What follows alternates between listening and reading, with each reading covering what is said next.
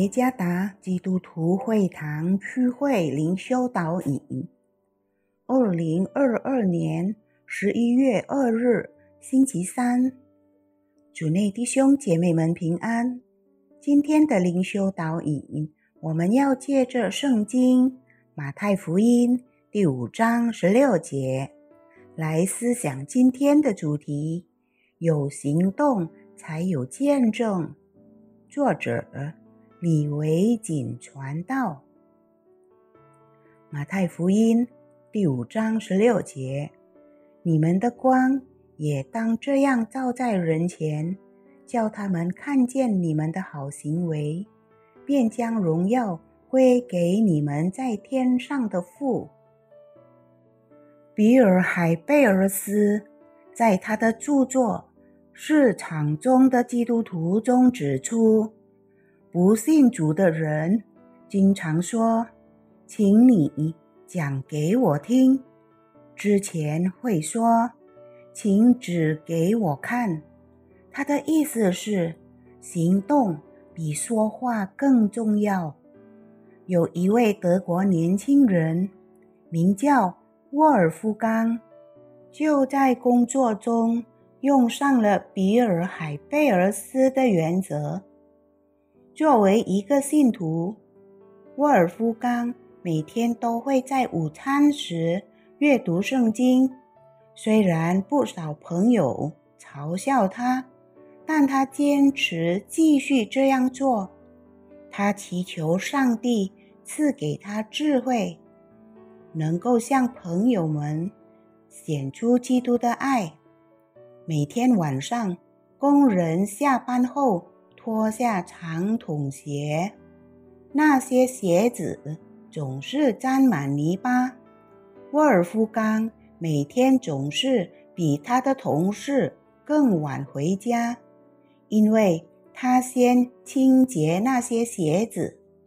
起初，他的同事摸不清是谁做的，但是他们很快就发现，原来这是。沃尔夫冈谦卑地在为他们做。后来，他们的态度改变了。他们不仅尊重沃尔夫冈，还一直要求他读圣经给他们听。甚至，他们当中有一些人接受基督，住在他们的生命里。做一个真诚的基督徒。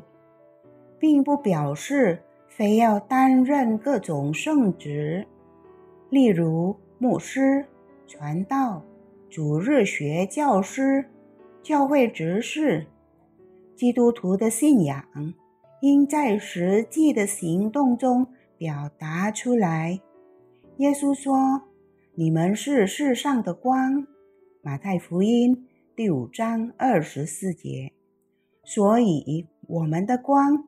也当这样照在世人面前，叫他们看见我们的好行为。我们的光是无法隐藏的，光会驱散黑暗。我们有责任向世人见证基督，引领他们相信基督。这就是主耶稣升天之前所吩咐众门徒的大使命。